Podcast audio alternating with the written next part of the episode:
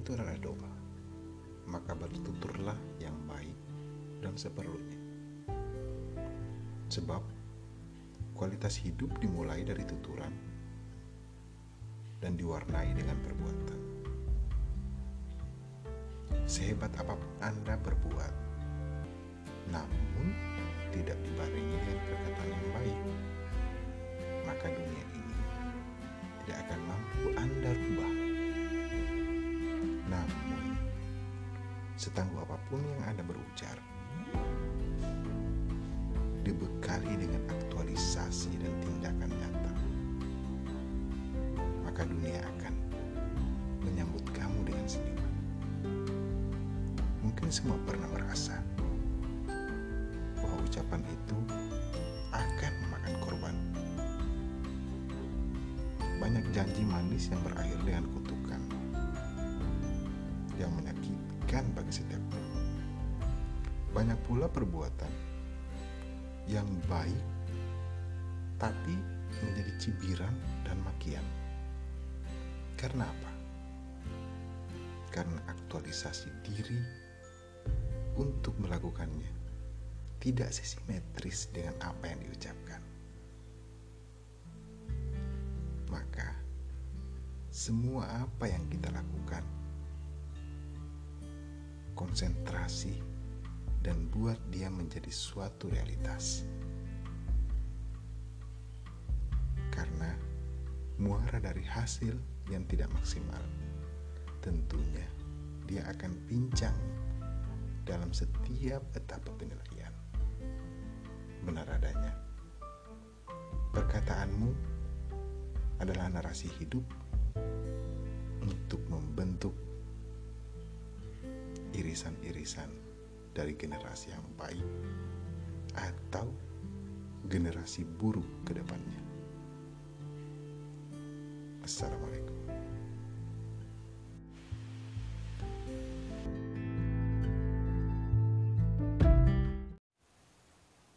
Sakit adalah persoalan rasa yang diterjemahkan berbeda-beda masing-masing orang. Ada yang meringis, menahan rasa ini. Ada pula yang bahkan meronta dan mendaur-raung untuk menyalurkan derasnya rasa perih yang ditorehkan. Bahkan tidak sedikit ada yang mengambil kompensasi rasa sakit dengan mengakhiri hidupnya. Setiap dentuman rasa sakit masing-masing memiliki frekuensi yang berbeda-beda. Dan terjemahannya akan berbeda-beda pula. Perasaan ini akan semakin memilukan apabila kita larut dalam memapah rasa ini dalam bingkai yang tidak berkesudahan. Larutnya rasa ini akan semakin membuat energi yang terasa itu akan semakin membesar, membesar. Sehingga apa yang terjadi? Kita tidak akan pernah keluar dari titik rasa yang perih dan rasa traumatik yang membekas. Tidak ada obat yang mudah menghilangkan rasa sakit.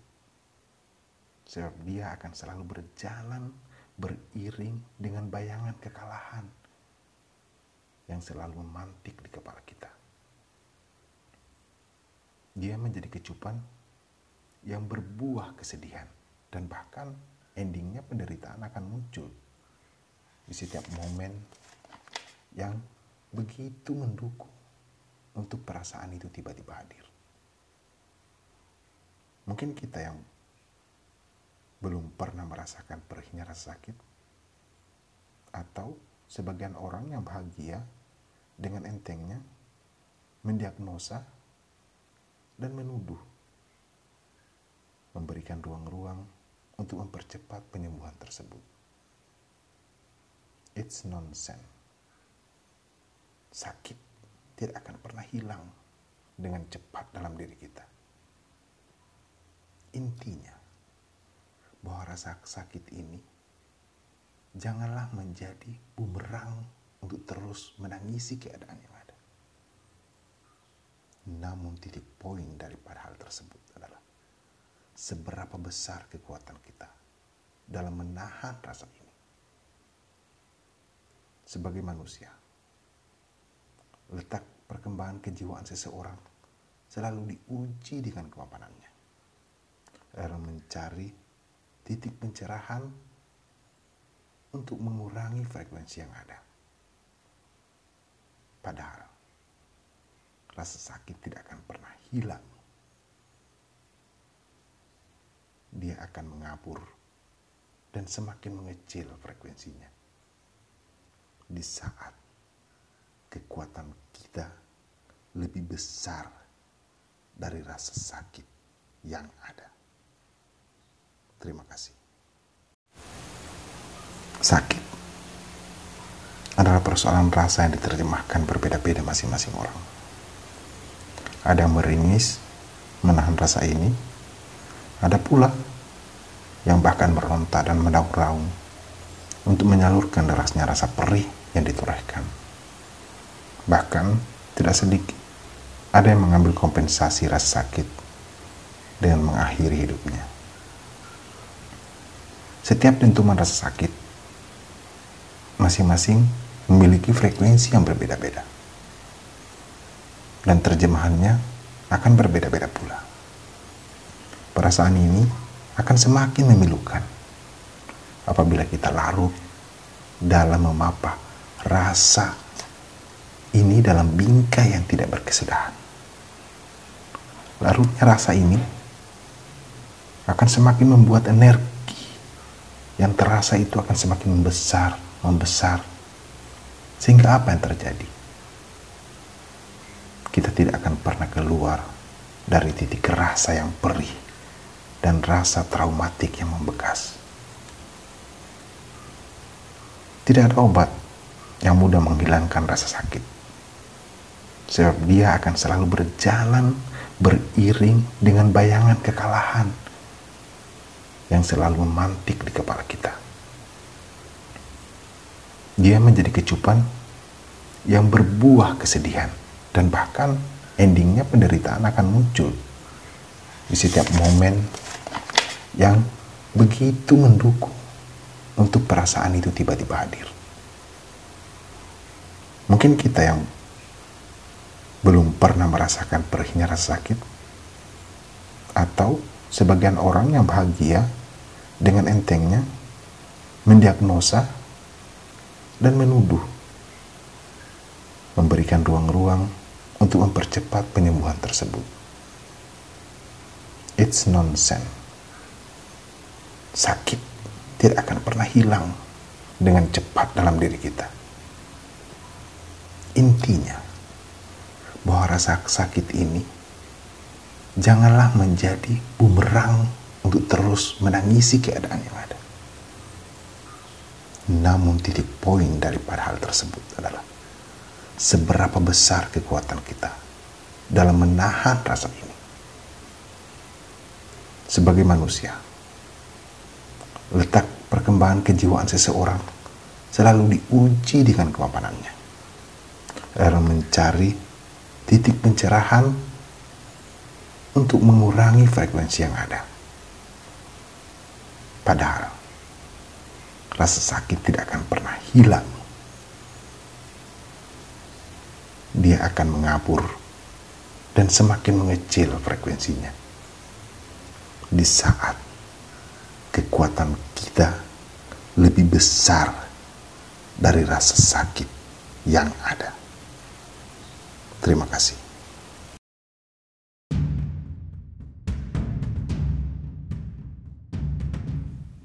Pendidik, kata ini terdengar mudah dan kesannya gampang untuk dilakukan. Katanya,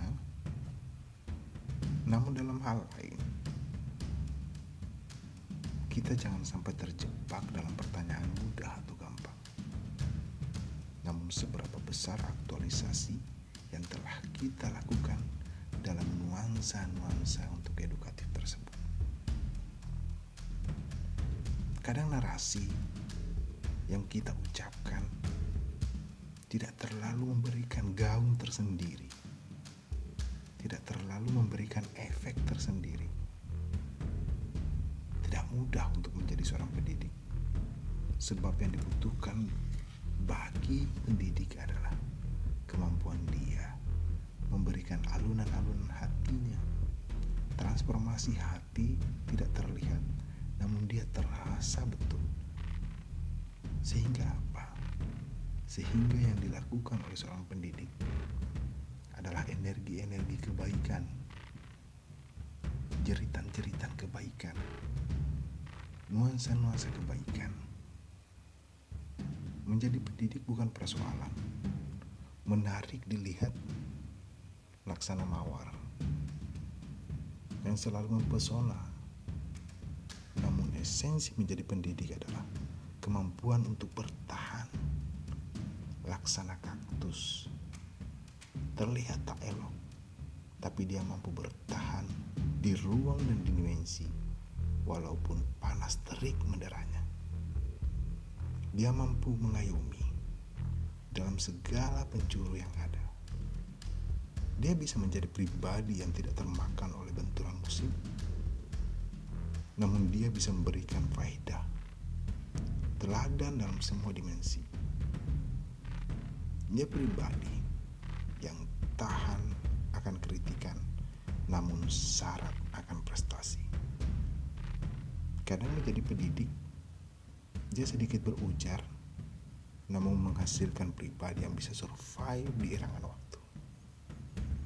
Pendidik bukan miniatur buku atau pasal serta teori yang tertata dalam setiap apa yang dilakukan. Tapi dia adalah bait-bait kata hidup yang selalu memberikan pencerahan dalam setiap apa yang dia lakukan. Pendidik adalah pribadi yang siap untuk tidak populer, siap untuk tidak menjadi hal-hal yang terlalu untuk trending topik. Karena yang dilihat dari pendidik adalah seberapa besar telinga dan hati mereka untuk mampu merealisasikan apa yang dikatakan oleh dentuman-dentuman dari hatinya, yaitu kebaikan.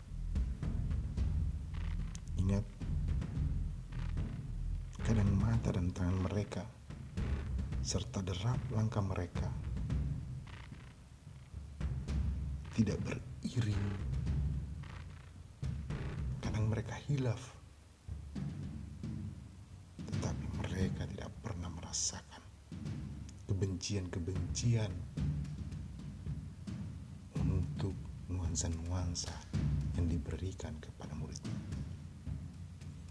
Esensi yang paling mendekati dari pendidik adalah bagaimana dia menjadi miniatur yang selalu diinginkan. Kecil kelihatan, tapi faedahnya besar. Menjadi pendidik bukan persoalan menarik dilihat. Menjadi pendidik bukan persoalan seberapa mempesonanya dia. Namun menjadi pendidik adalah kemampuan yang paling substansial. Yaitu apa? Yaitu mampu menjadi pribadi yang bertahan. Mampu menjadi pribadi yang mengayomi dari segala deru pergolakan zaman. Mampu menjadi suatu hal-hal yang sangat berfaedah bagi orang lain.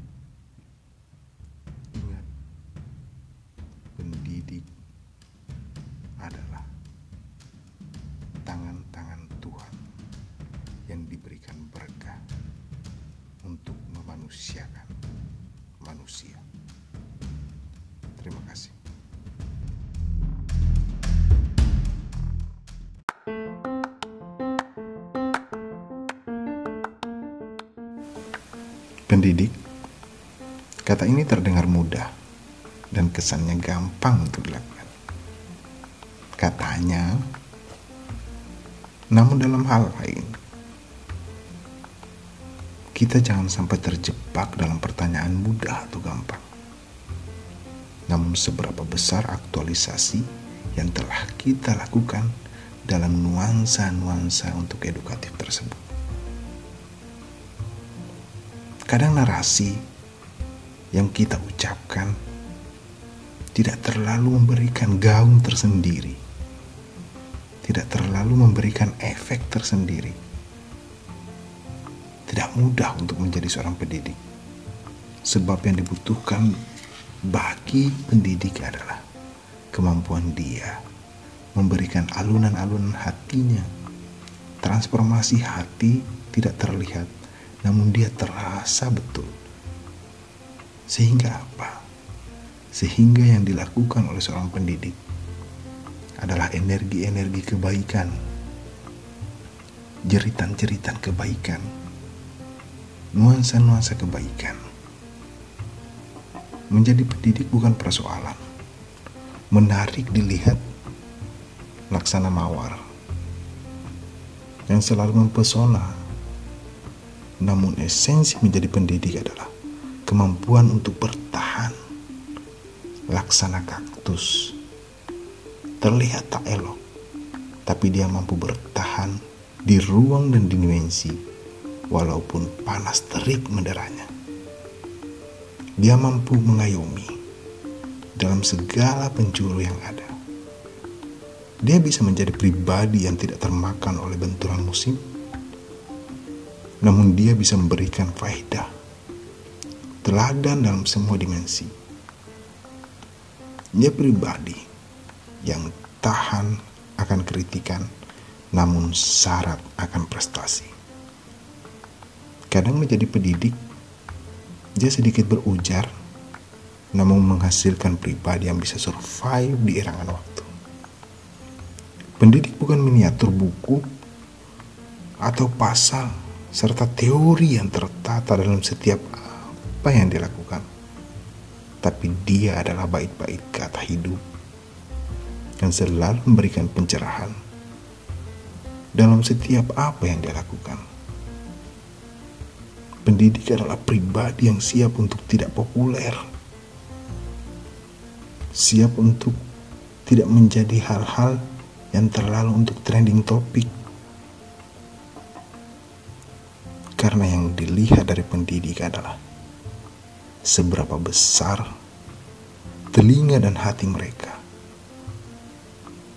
untuk mampu merealisasikan apa yang dikatakan oleh dentuman-dentuman dari hatinya, yaitu kebaikan. Ingat, kadang mata dan tangan mereka, serta derap langkah mereka. Tidak beriring. Kadang mereka hilaf, tetapi mereka tidak pernah merasakan kebencian-kebencian untuk nuansa-nuansa yang diberikan kepada muridnya. Esensi yang paling mendekati dari pendidik adalah bagaimana dia menjadi miniatur yang selalu diinginkan. Kecil kelihatan, tapi faedahnya besar. Menjadi pendidik bukan persoalan menarik dilihat. Menjadi pendidik bukan persoalan seberapa mempesonanya dia. Namun menjadi pendidik adalah kemampuan yang paling substansial, yaitu apa? Yaitu mampu menjadi ber, pribadi yang bertahan, mampu menjadi pribadi yang mengayomi dari segala deru pergolakan zaman, mampu menjadi suatu hal-hal yang sangat berfaedah bagi orang lain. Ingat, pendidik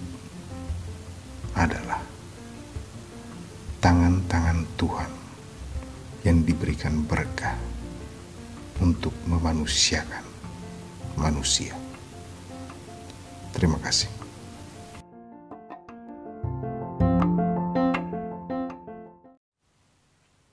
Assalamualaikum warahmatullahi wabarakatuh. Selamat datang di SMA Negeri 3 Bantaeng. Oke, sebelumnya saya perkenalkan nama dulu. Nama saya Askarim. Saya salah satu guru mata pelajaran IPS. Insya Allah nanti kita ketemu lah untuk lebih tuntasnya nanti. Tapi sebelumnya eh, dalam pertemuan kali ini saya lebih pada kapasitas saya untuk memberikan sedikit pengantar atau lebih tepatnya kita share keilmuan mengenai kearifan lokal khususnya kearifan lokal masyarakat Sulawesi Selatan. Ada beberapa titik poin yang mungkin adik-adikku semuanya, anak-anakku semuanya, atau lebih elegan saya bilang kerabat semuanya, mungkin melihat bahwa banyak kenyataan-kenyataan yang di mana tulisan-tulisan mengenai kearifan lokal ini banyak sekali tapi bukan itu yang titik poinnya nanti untuk pembahasan saya. Titik poinnya bahwa ternyata Indonesia ini kaya sekali akan kebudayaan. Salah satu kasana yang paling banyak menyumbang kebudayaan itu adalah Sulawesi Selatan. Tidak bisa dipungkiri bahwa Sulawesi Selatan ini pendulang kebudayaan-kebudayaan yang rata-rata membawa warna-warni untuk kebudayaan Indonesia. Tapi sebelumnya, kerabatku, mari kita perhatikan video berikut ini. Jadi, sudah memperhatikan video tadi, kira-kira apa yang bisa kita petik? Ayo, saya kasih waktu ya untuk menjawabnya. Oke, benar. Video tadi itu banyak mendeskripsikan dan banyak menjelaskan mengenai Toraja. Mungkin anak-anak sudah tahu mengenai Toraja. Bahkan Toraja itu bukan hanya terkenal di Indonesia. Toraja bahkan sudah tembus ke mancanegara. Ingat, Toraja ini tembus bukan karena persoalan apa, karena persoalan budaya tadi. Saya dari awal sudah mengatakan bahwa Indonesia itu memiliki warna budaya yang sangat beragam, khususnya Sulawesi Selatan. Ingat, di Sulawesi Selatan ini sangat banyak budayanya. Salah satunya adalah budaya di Tanah Toraja. Apa yang menarik di Tanah Toraja? Ternyata di Tanah Toraja banyak yang hal yang sangat menarik sekali. Salah satunya mengenai upacara kematian. Rambu Solo. Salah satu upacara yang bagi sebagian orang mengatakan bahwa, wih, orang Toraja boros-boros ya. Mungkin perangkat-perangkat pengetahuan kita banyak melihat bahwa orang Toraja itu boros. Tapi perlu anak-anak ingat bahwa kategori boros menurut kita belum tentu boros menurut mereka. Jadi intinya bahwa perangkat kebudayaan itu jangan hanya dilihat dalam satu sisi, tapi perangkat kebudayaan itu harus dilihat dalam dua sisi. Apa sisi pertama? Seperti ini. Oke, betul. Yang pertama itu adalah perangkat emik. Apa itu emik? Perangkat yang berdasarkan tataran masyarakatnya.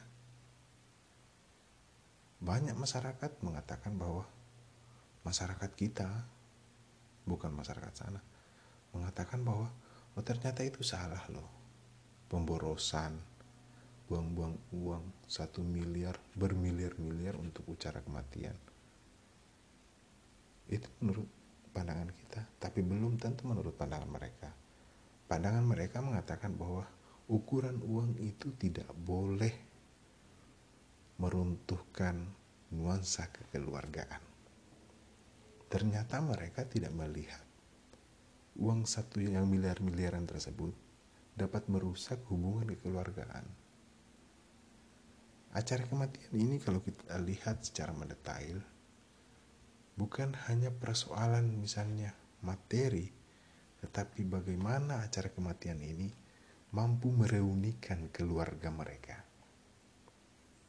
Jadi ada perangkat-perangkat selain emik ada etik perangkat-perangkat yang melihat bahwa ternyata hal-hal tersebut tidak hanya bersifat materi semata, tetapi lebih banyak bersifat kepada nuansa-nuansa keluargaan.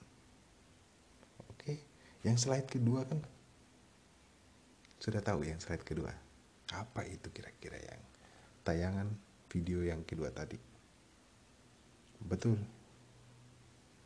Itu adalah aksesoris budaya yang digunakan yang rata-rata orang Bugis mengatakan bisu. Ingat,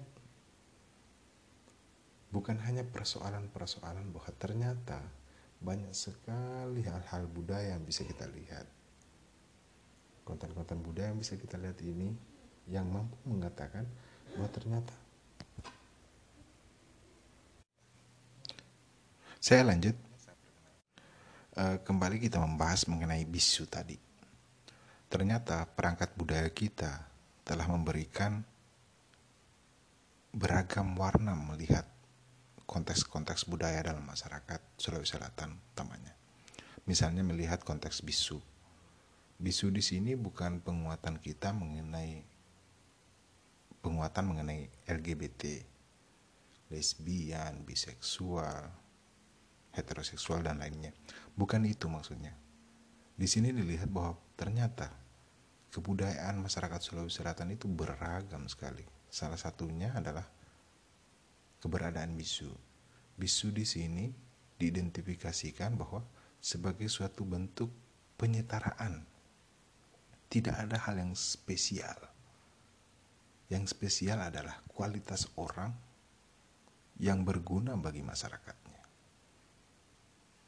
Jadi, gender itu bukan hanya dilihat berdasarkan jenis kelamin, spesifikasi kelamin yang terkuat laki-laki dan yang terlemah perempuan, bukan tapi bagaimana misalnya spesifikasi andil terbesar dia dalam suatu masyarakat.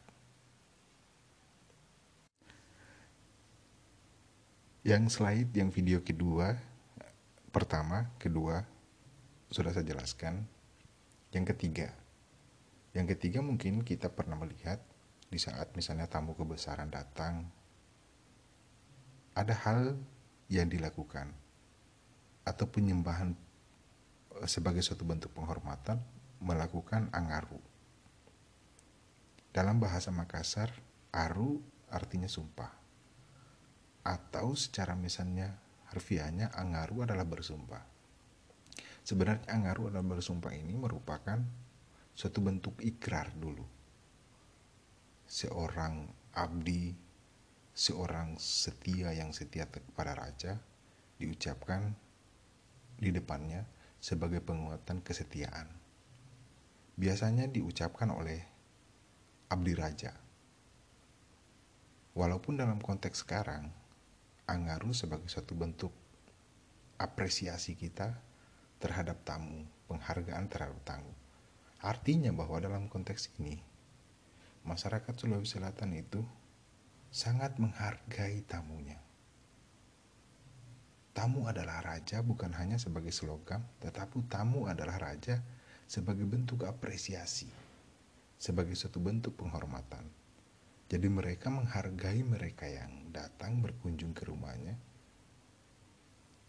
Kalau kita transformasikan, kalau kita misalnya lihat uh, ke belakang, bagaimana hal-hal tersebut, bagaimana misalnya bentuk penghormatan tersebut Bagaimana penghormatan tersebut kita aktualisasikan?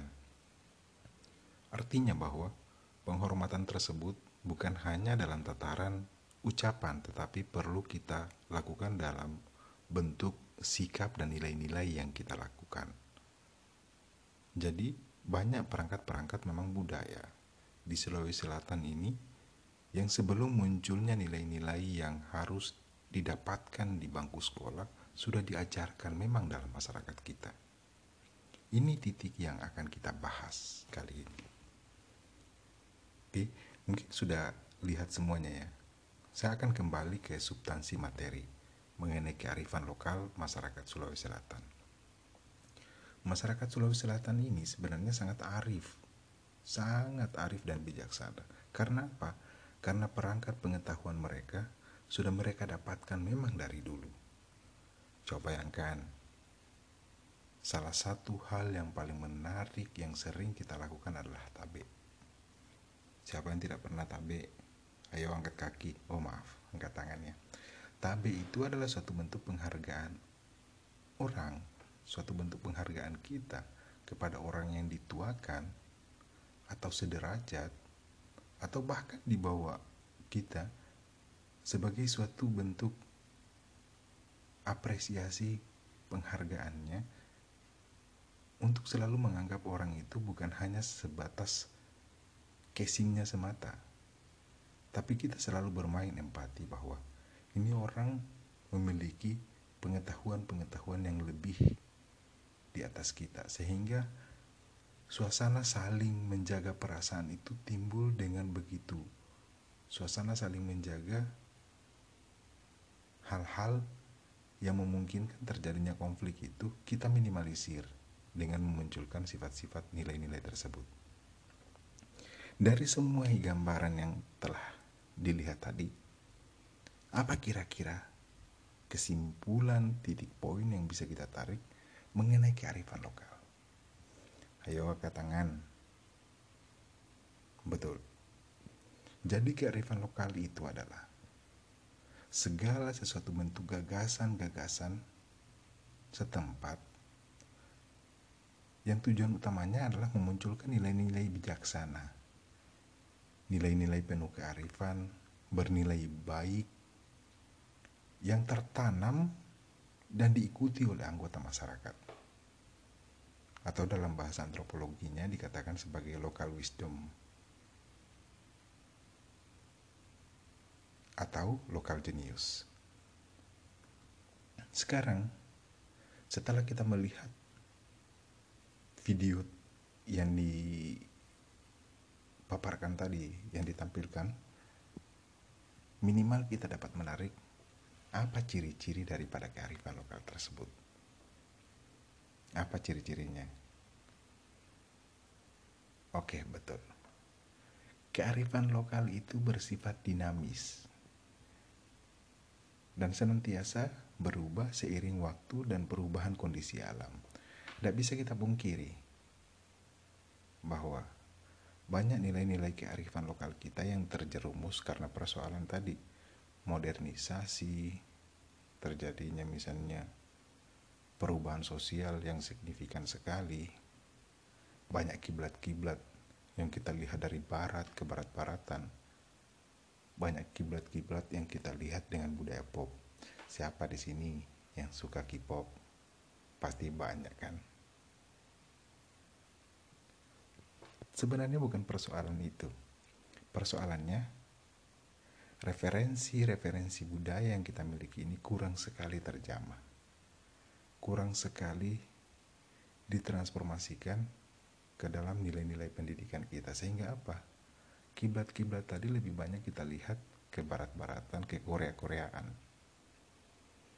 Jadi hal tersebut kalau kita lihat dari ciri-cirinya tadi bahwa perangkat-perangkat budaya bisa berubah.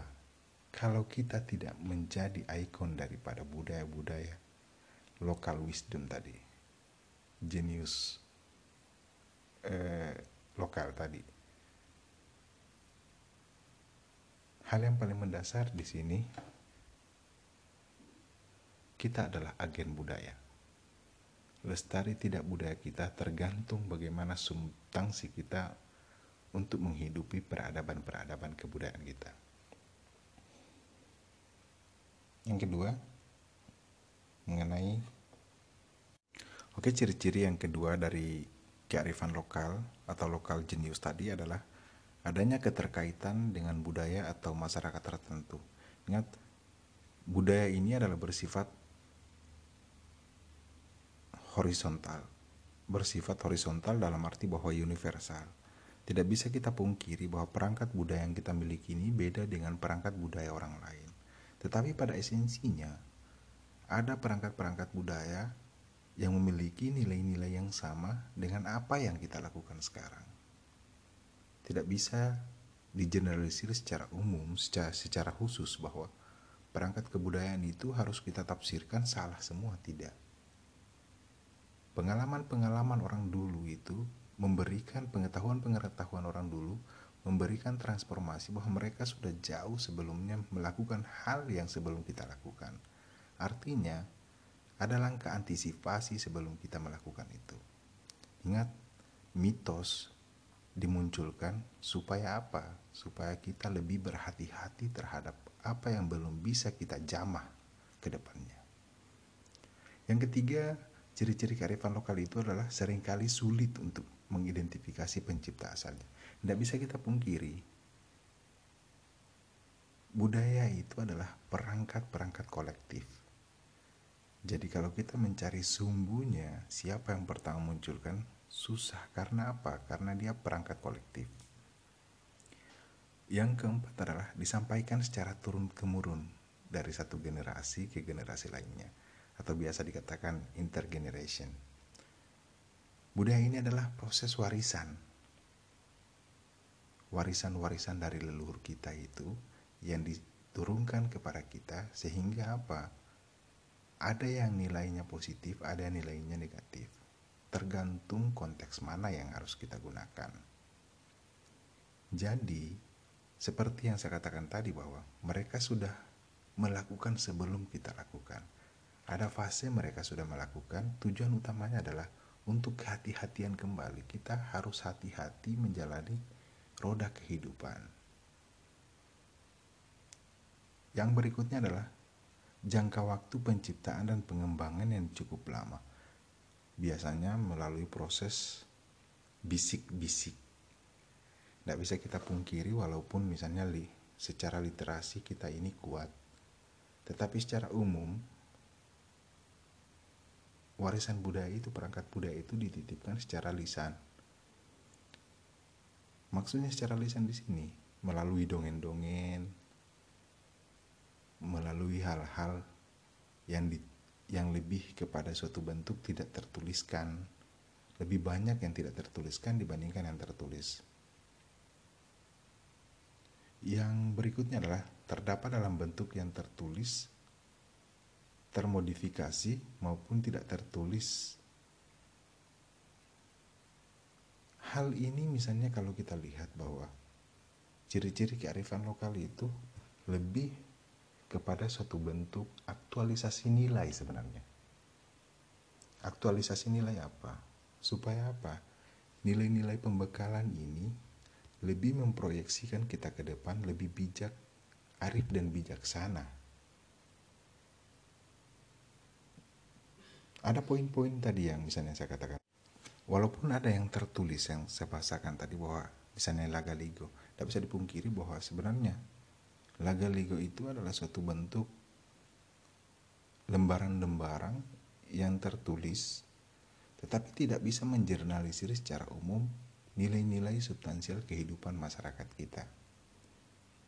Dia dalam bentuk mitos, dalam bentuk folklore, cerita-cerita rakyat, tapi ternyata nilai-nilai kebanggaan ini dapat kita misalnya lebih tingkatkan lagi karena apa? Karena perlu kita ingatkan, Laga Ligo itu masuk dalam kesusastraan buku kesusastraan yang sangat sangat menggentarkan menggemparkan dunia. Karena apa? Karena tebalnya buku tersebut. Artinya dari sini bahwa masyarakat dulu itu adalah masyarakat yang sangat cerdas. Cerdas dalam kategori bahwa mereka bukan bukan apa? Bukan role model yang harus ditampilkan, tetapi berimbang antara role model dan narasi yang harus dituliskan. Oke, sejauh ini ada yang mau bertanya? Tahan pertanyaannya ya. Kita kembali ke mengenai fungsi kearifan lokal. Ciri-ciri tadi sudah kita jelaskan secara mendetail. Sekarang, apa sebenarnya fungsi kearifan lokal itu? Fungsi kearifan lokal yang pertama adalah untuk konservasi dan pelestarian sumber daya alam. Mungkin pernah kita jalan-jalan ke Kajang. Ingat loh, di Kajang itu Ingat di Kajang itu hutannya masih lestari loh. Karena persoalan apa? Karena persoalan budaya tadi yang selalu saya katakan tadi budaya di Kajang itu sangat kental mengenai apa yang harus dilakukan. Sehingga apa? Sehingga alamnya terjaga sampai sekarang. Masyarakat yang di sana masih patuh terhadap budaya-budaya bertutur tadi. Hukum-hukum yang tidak secara formal tetapi hukum yang secara lisan tetapi mereka percaya akan hal tersebut. Yang berikutnya, kearifan lokal berfungsi untuk mengembangkan sumber daya manusia. Sudah eh, jelas tadi yang saya paparkan bahwa transformasi-transformasi budaya ini dapat membentuk nilai-nilai sikap kita, dapat membuahkan kepribadian-kepribadian kita. Tidak bisa kita pungkiri nenek moyang kita ini seorang pelaut. Ingat keberanian daripada nenek moyang kita itu sangat-sangat memberikan warna dalam kehidupan kita. Pantang surut ketepian. Slogan ini bukan hanya sebagai slogan yang diucapkan, tapi mereka lakukan. Siapa yang tidak kenal Sultan Hasanuddin? Ayam jantan dari timur. Itu julukan yang diberikan oleh Belanda. Bukan karena julukan julukan itu tanpa makna, tapi julukan itu adalah julukan karena keberaniannya tadi. Berikutnya, fungsi mengenai kearifan lokal sebagai pengembang kebudayaan dan ilmu pengetahuan. Sudah saya jelaskan pula mengenai bagaimana Ilagaligo, buku Ilagaligo ini mampu menggemparkan dunia karena apa? Karena sumbangsi-sumbangsi dari apa yang dituliskan itu mendeskripsikan masyarakat tatanan masyarakat kita. Ternyata masyarakat kita ini adalah masyarakat yang cerdas. Masyarakat masyarakat Sulawesi Selatan itu tidak bisa dipungkiri. Mereka selain pemberani, mereka punya kapasitas keilmuan. Jadi malulah untuk generasi sekarang kalau kita tidak bisa berada dalam tataran orang-orang yang haus akan ilmu. Orang dulu sangat kental dengan kecerdasannya. Apakah kita harus mundur? Tidak, jawabannya tidak. Minimal kita di atas daripada generasi yang dulu. Oke, yang terakhir kalau kita misalnya melihat irisan-irisan mengenai fungsi kearifan lokal adalah berfungsi sebagai petuah.